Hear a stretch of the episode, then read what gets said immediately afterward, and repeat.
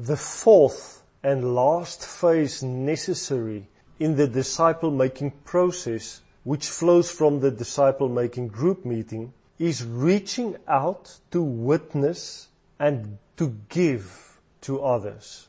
Because that which you have now discovered from the word, heard from the Lord, has to be activated in your life in the week ahead.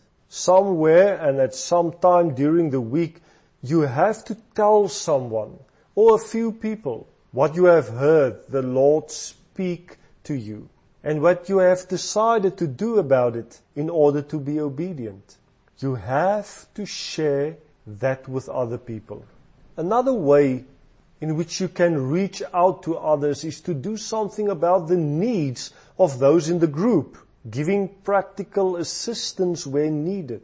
I trust that you will see that this means that no disciple making group meeting actually ends when the meeting comes to its end.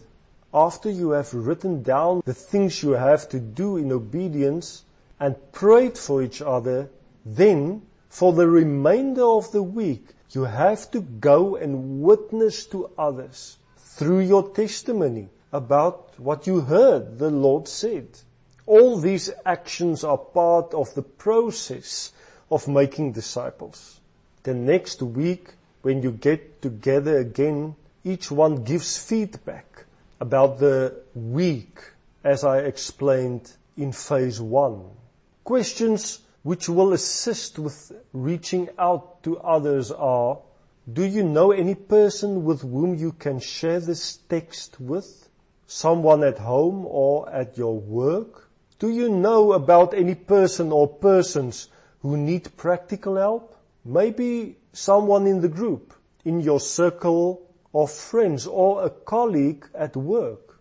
Or you can also ask as facilitator, what can the group do as a whole to help someone in need?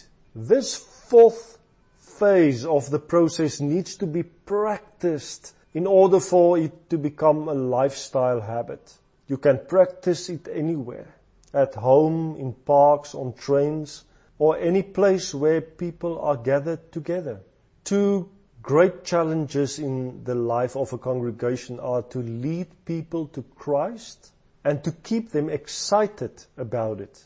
No person can do this for someone else. We can only begin a process and create a space where people receive directly from Father.